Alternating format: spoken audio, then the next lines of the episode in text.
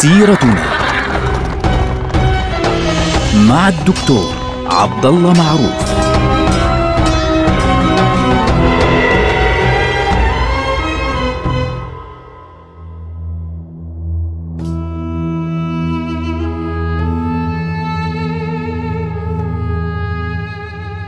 السلام عليكم ورحمة الله وبركاته. سيرتنا سيرة هذه الأمة ونحن الآن في عهد صعب تمر به ال- الأمة. نحن الآن في عهد ال- الضعف العباسي لكن في نهاية مرحلة يعني فيها صعود هيك قليل اللي هي سميناها صحوة الخلفاء أو صحوة الخلافة. بعد وفاة المعتمد ثم بعد وفاة المعتضد أعطيت الخلافة من بعده إلى آه، ابنه المكتفي الخليفة المكتفي. في زمن الخليفة المكتفي يعني تفاقمت الحركات الانفصالية والثورات وبدأت الخلافة طبعا بعد وفاة المكتفي ستعود إلى ضعفها بسبب الخلافات الأسرية وتعاظم نفوذ الدول الانفصالية التي أتاحت فعليا هذه الحالة إلى الترك العودة إلى قوتهم في الجيش وبدأوا يختارون الخلفاء الأضعف يعني آه، فالأضعف لكي يستمر نفوذهم. لكن هذا الأمر يعني كان في بدايته في زمن المكتفي.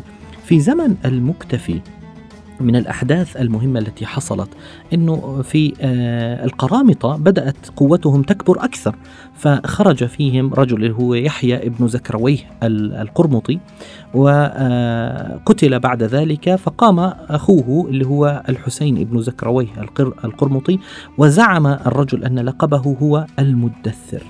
وكان يقول أنا المقصود بسورة يا أيها المدثر. وصار يظهر أمام الناس ويقول أنا المطوق بالنور وغلامي هذا هو المطوق بالنور وبدأ حتى يظهر إلى أن وصل إلى الشام. قوته وصلت إلى الشام وبدأ القرامطة يعيثون فسادا في كل مكان. وسمي سمى نفسه بأمير المؤمنين المهدي. طبعا بعد ذلك قتل في سنة 291 كلهم قتلوا اللي هو هذا آه، الحسين وابن عمه عيسى بن مهرويه وغلامه يعني كلهم هؤلاء قتلوا. الذي يهمنا هنا أن المكتفي مات شابا. المكتفي مات شابا واستغل الجيش التركي في ذلك الوقت اللي هو جيش ال- الترك.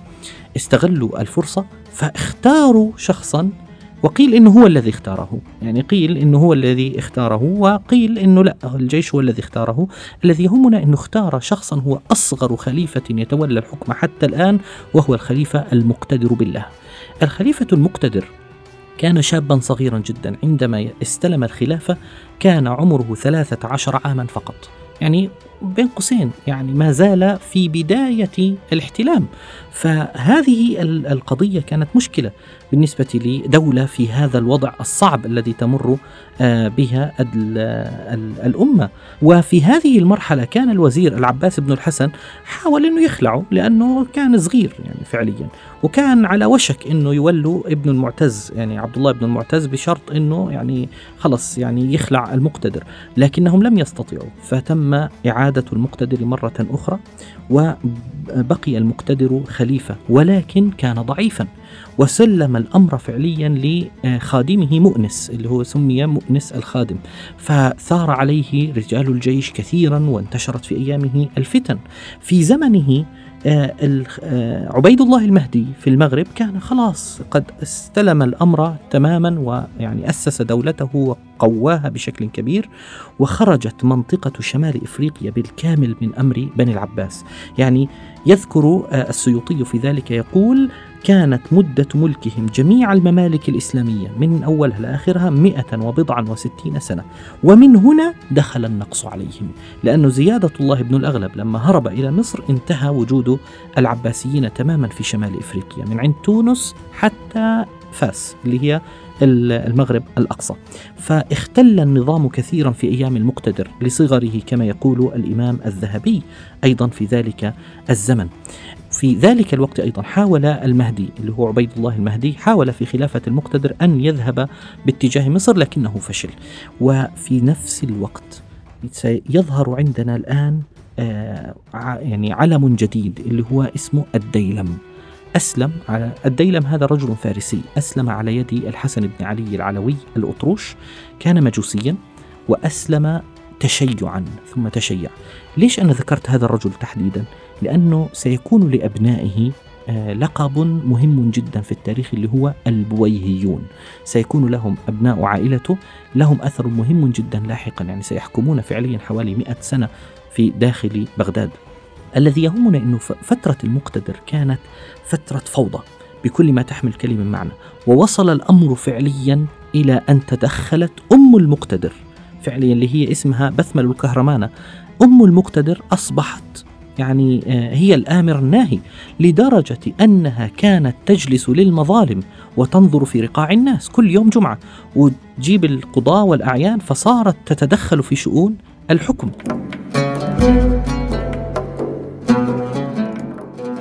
القائد الآن قائد مؤنس الخادم اللي هو قائد تركي طبعا قائد الجيش وقعت الوحشة بينه وبين الخليفة المقتدر وهذا الأمر سيؤدي لاحقا إلى آه، قتل الخليفة المقتدر وتسليم الأمر للقاهر لكن في نفس تلك الفترة كان القرامطة ازدادت قوتهم لدرجة أنهم بنوا يعني دارا سميت دار الهجرة.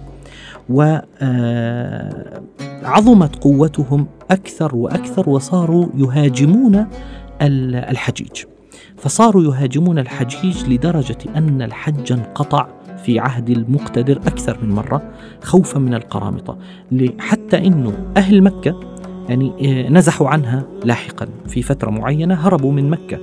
فبالتالي مؤنس الخادم عند يعني في ظل هذا الوضع خرج على المقتدر. وكنتيجة لهذا الحدث خلع كما ذكرنا المقتدر وتلقب من بعده خليفته بلقب القاهر بلقب القاهر. فقتل الرجل آه، نهائيا وراحت يعني عليه. في نفس الفترة التي سقط فيها المقتدر وقام فيها القاهر حدث حدث في غاية الخطورة. كان في موسم الحج في ذلك العام آه، المقتدر قد سير مع الحجاج منصور الديلمي اللي هو فارسي كان يعني ليحرس الحجيج. فوصلوا فعلا إلى مكة سالمين. في يوم التروية اللي هو يوم الثامن من ذي الحجة وصل إلى مكة آه، أبو طاهر القرمطي اللي هو الآن زعيم القرامطة. طبعا أبو طاهر القرمطي أبوه وعائلته كانوا قد أقاموا كما قلنا دارا سموها دار الهجرة. وهذه المنطقة وين طبعا؟ هم وين مكانهم بالضبط؟ هم مكانهم فيما يسمى اليوم المنطقة الشرقية في السعودية اللي هي آه، منطقة الأحساء وما حولها. كانت في ذلك الوقت تسمى هجر. هجر الأحساء فهم مكانهم هناك الآن أبو طاهر القرمطي كان قد أقام فعليا في تلك المنطقة دارا سماها دار الهجرة وبنى فيها كعبة سماها كعبة الجش هذه الكعبة في منطقة أصلا اسمها الجش فكعبتهم كانت جاهزة آه، تنتظر إيش؟ ماذا بقي؟ الحجر الأسود. فلذلك هاجم أبو طاهر القرمطي اللي هي سنة 318 في هذه السنة اللي هي الآن إحنا في 318 تحرك أبو طاهر القرمطي بجيش كبير جدا فوصل إلى مكة يوم التروية. وصل إلى منى. يوم التروية اللي هو بداية موسم الحج اللي هو اليوم اللي قبل يوم عرفة. في عندنا يوم التروية اللي هو يوم الثامن ذو الحجة بعدها يوم التاسع من الحجة اللي هو يوم الحج الأكبر يوم عرفة. بعدين يوم عيد الأضحى بيكون يوم العاشر من ذي الحجة. فوصل جيش أبي طاهر القرمطي الملعون إلى مكة المكرمة فهاجم الحجيج في المسجد الحرام وفي منى وقتل منهم خلقا هائلا. حدثت مذبحة كبرى في مكة المكرمة في ذلك الوقت حتى إن الذين قتلوا كان يرميهم في بئر زمزم بعد أن يقتلوا.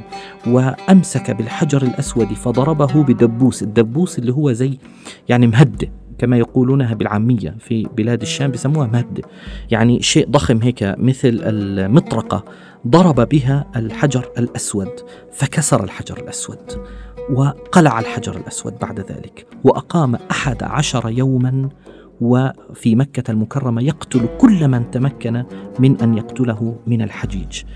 ف طبعا هناك شهود عيان رأوا ذلك. يعني محمد بن ربيع بن سليمان ماذا يقول؟ يقول كنت بمكة سنة القرامطة كنت موجود في ذلك اليوم. فصعد رجل الكعبة لقلع الميزاب الميزاب اللي هو اللي الماء بينزل منه في الكعبة. يقول وأنا أراه فعيل صبري وقلت يا رب ما أحلمك يا رب ما أحلمك الرجل بده يقلع ميزاب الكعبة. فسقط الرجل على دماغه فمات.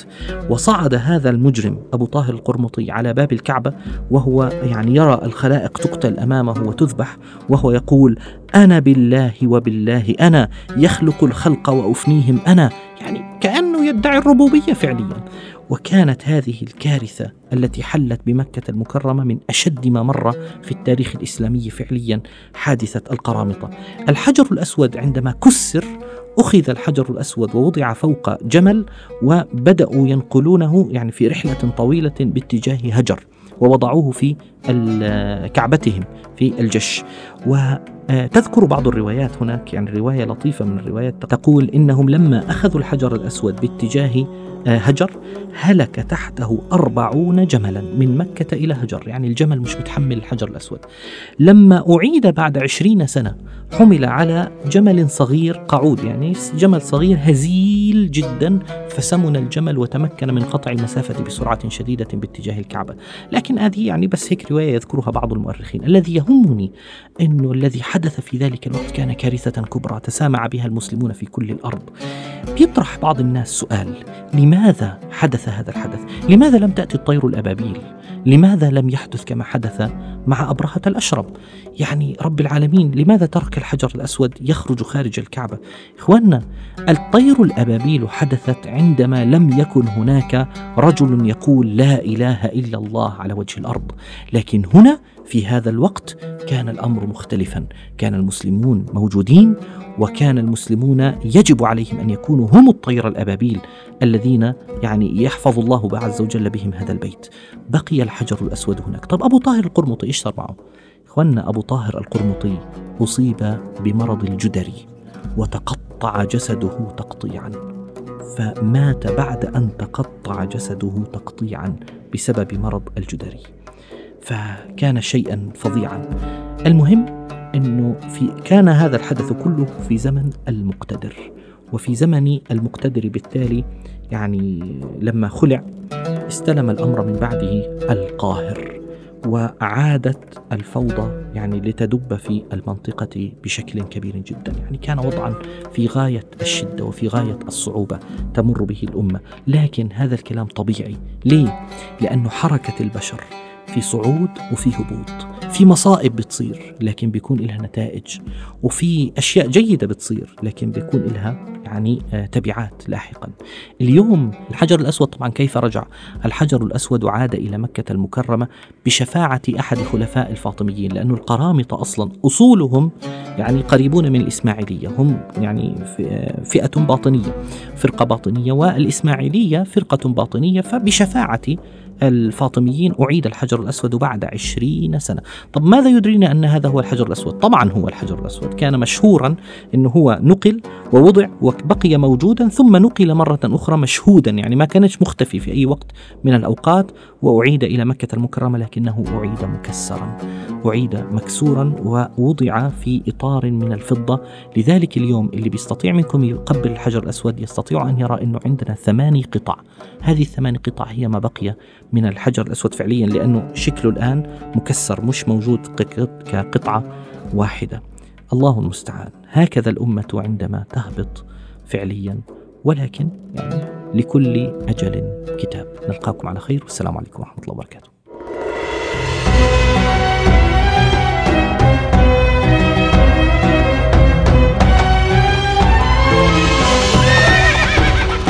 سيرتنا مع الدكتور عبد الله معروف.